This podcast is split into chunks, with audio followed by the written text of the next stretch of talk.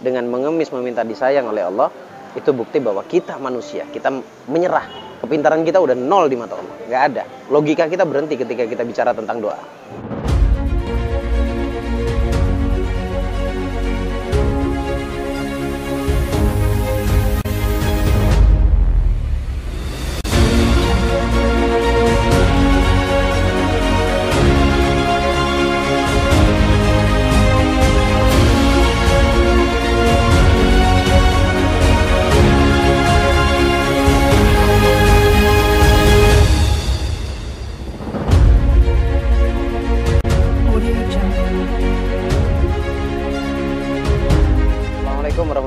wabarakatuh. Kembali lagi bersama saya Bagus Baraja di sini, tentunya di channel Bagus Baraja, channel yang selalu edukasi, selalu memberikan informasi terbaik untuk Anda semuanya.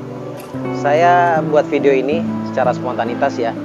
Kebetulan siang ini di tanggal 19 saya berada di salah satu kafe yang ada di Pontianak. Kenapa saya kok ngopinya malah di kafenya orang bukan di kafenya sendiri? Karena niatannya ingin berbagi. Padahal kopinya sama ya, niatannya berbagi biar rezeki berputar dan orang juga mendapatkan rezeki dari rezeki yang kita cari atau yang sudah Allah berikan kepada kita. Pada kesempatan kali ini secara spontanitas tiba-tiba saya eh, muncul inisiatif untuk membuat video dan insya Allah video ini bermanfaat, sangat bermanfaat bahkan. Banyak yang bertanya ke saya kenapa sih harus menggunakan eh, sandangan atau label Bagus Baraja dengan rahasia keajaiban doanya. Yang saya tahu orang hidup itu yang diperlukan hanya satu, yaitu kekuatan doa. Di samping ikhtiar ya, di samping ikhtiar, proses dan lain sebagainya, yang terpenting adalah kekuatan doa. Karena bicara doa adalah menunjukkan diri kita bahwa kita ini seorang hamba dan ada zat ada Tuhan yang Maha Kuasa, ada Allah yang Maha Kuasa yang mengabulkan setiap dari doa yang kita panjatkan kepada Allah Subhanahu wa taala. Dan balik lagi pada temanya yaitu rahasia keajaiban doa. Caranya bagaimana sih Mas Bagus untuk mendapatkan keajaiban doa itu sendiri padahal saya semua kawan-kawan sudah berdoa sedemikian rupa dapatnya hanya segitu-segitu saja dan tidak mendapatkan hasil yang maksimal, oke? Jadi yang pertama yang harus diketahui adalah wajib diketahui menyerah. Itu yang pertama. Saya mengulang-ulang tema yang sama ya, tapi eh, mudah-mudahan tema ini lebih menjawab lagi atau video kali ini lebih menjawab lagi. Yang pertama adalah menyerah. Kenapa harus menyerah? Coba perhatikan setiap kali teman-teman sholat ya. Eh, di situ ada kalimat yang sangat menyerah. Ini wajah tu wajahya lillahi fataras samawati dan seterusnya itu menunjukkan bahwa kita manusia tidak berdaya. Bahwa menunjukkan bahwa ini ya, ya Allah, saya tunjukkan wajahku kepada Allah. Jadi itu maksud dan tujuannya adalah menyerah. Ketika kita menyatakan bahwa diri kita menyembah, itu tujuannya adalah menyerah. Ingat ya, yang pertama harus menyerah. Dan kalau orang menyerah itu nggak banyak protes, ya, menunjukkan bahwa dia butuh. Oke, dan perhatikan di setiap gerakannya, setiap kali teman-teman sholat ya, Ah, terkhusus untuk yang muslim ini ya. Dan perhatikan untuk yang non muslim juga ketika anda beribadah, apa pun caranya ya. Saya tidak bicara konteks pada satu apa ya satu keyakinan di sini. Intinya semua universal. Dan terutama yang muslim, saya ingin ngingetin bahwa ketika berlangsungnya sholat di situ ada kalimat doa yang sangat luar biasa. Ada Robbi ufirli warhamni wajfurni warfa'ni warzuqni wadini wa'afini wa'fu'anni. Coba cari artinya satu persatu. Dan saya akan jelaskan detail di sini ya. Oke, dan sekarang kita eh, jelaskan satu persatu. Robbi ufirli meminta ampun. Jadi setelah tadi menyerah, setelah menyerah memohon ampun. Karena disadari tidak disadari kita hari demi hari eh, ada sesuatu yang terlewatkan ataupun yang disadari bahwa kita melakukan dosa.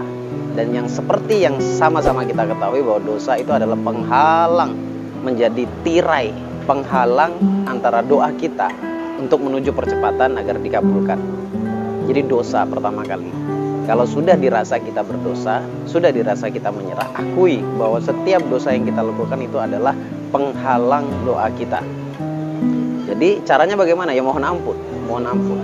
Jadi diterapi setiap kali eh, peserta saya di kelas online maupun yang ketemu langsung itu saya terapkan yaitu terapi ampunan, terapi istighfar, terapi ikhlas dan lain sebagainya. Saya bimbing mereka untuk mohon ampun ke Allah.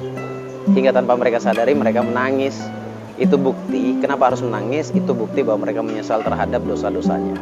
Dan insya Allah karena Allah itu maha pengampun oke? Itu yang pertama. Jadi mohon ampun dulu. Kemudian yang kedua warhamni sayangi aku ya. Sayangi aku. Jadi minta minta disayangi oleh Allah.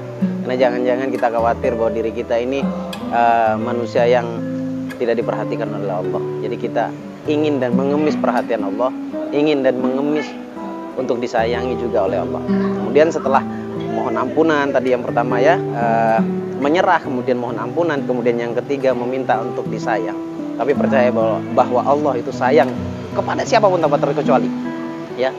Kepada siapa pun tanpa terkecuali. Allah Allah menyayangi kita semua selaku hamba.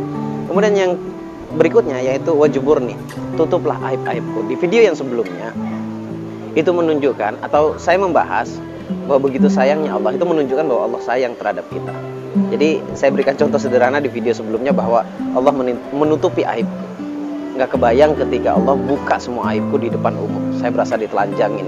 Jadi mohon ampun dulu sama Allah, kemudian minta untuk disayangi. Ya Allah sayangi saya. Sayangi kita. Saya, Anda semuanya ya. Minta disayangi bahwa kita takut khawatir ketika kita tidak mendapatkan rahmat dan rahimnya Allah berbahaya hidup kita. Jadi mengemislah. Dengan mengemis meminta disayang oleh Allah, itu bukti bahwa kita manusia kita menyerah. Kepintaran kita udah nol di mata Allah. Nggak ada. Logika kita berhenti ketika kita bicara tentang doa. Nah setelah itu ada warfa'ni. Angkatlah derajatku. Kemudian minta untuk diangkat dulu derajatnya ya. Minta diangkat dulu derajatnya. Dan insya Allah ketika kalian minta ampun sama Allah dan diampuni oleh Allah maka derajat kita akan diangkat oleh Allah. Suatu saat di satu titik suatu saat Allah akan angkat derajat kita dengan cara Allah kabulkan beberapa doa kita. Kemudian berilah aku rezeki lihat perhatikan bahwa di situ ada doa meminta rezeki ya kenapa penting dan wajib kita menyelaraskan antara pikiran? Pikiran ini dengan hati bawah sadar. Ya untuk menghindari kemunafikan untuk menghindari tidak mengakui untuk menghindari ketidakselarasan itu pentingnya kenapa? Pikiran dan hati harus bekerja bekerja sama. Bahkan lisan menyebutkan ya lisan menyebutkan bahwa kita ini minta rezeki warzukni dan itu kita mengakui bahwa Allah itu pemberi rezeki dan Allah itu maha kaya. Jadi mintalah sesejujur mungkin tanpa harus ada ditutupi ya. Jadi minta saja rezeki doanya lebih spesifik lagi tentunya menggunakan konsep law of attraction atau rahasia kajian doa itu sendiri. Kemudian yang berikutnya adalah berikan aku petunjuk ya beri meminta petunjuk. Dan mudah-mudahan dijauhkan dengan rezeki yang tidak halal.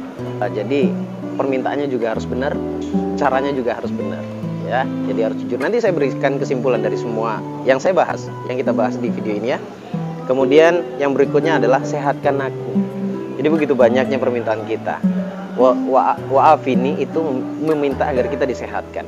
Kemudian yang terakhir adalah wa'fu'an ini poin pentingnya jadi setelah di atas kita memohon ampun kemudian di bawah maafkan aku jadi meminta maaf sama Allah selain meminta maaf sama Allah secara detail juga saya sering menjelaskan bahwa pentingnya kita meminta maaf kepada orang yang mungkin pernah menyakiti kita, uh, yang pernah kita sakiti, atau bahkan yang pernah menyakiti kita. Itu pentingnya kita meminta maaf. Kadang-kadang ada teman-teman ya, ada beberapa bisa jadi juga terjadi ke saya meminta maaf saja gengsi. Ingat meminta maaf itu tidak mengurangi derajat kalian.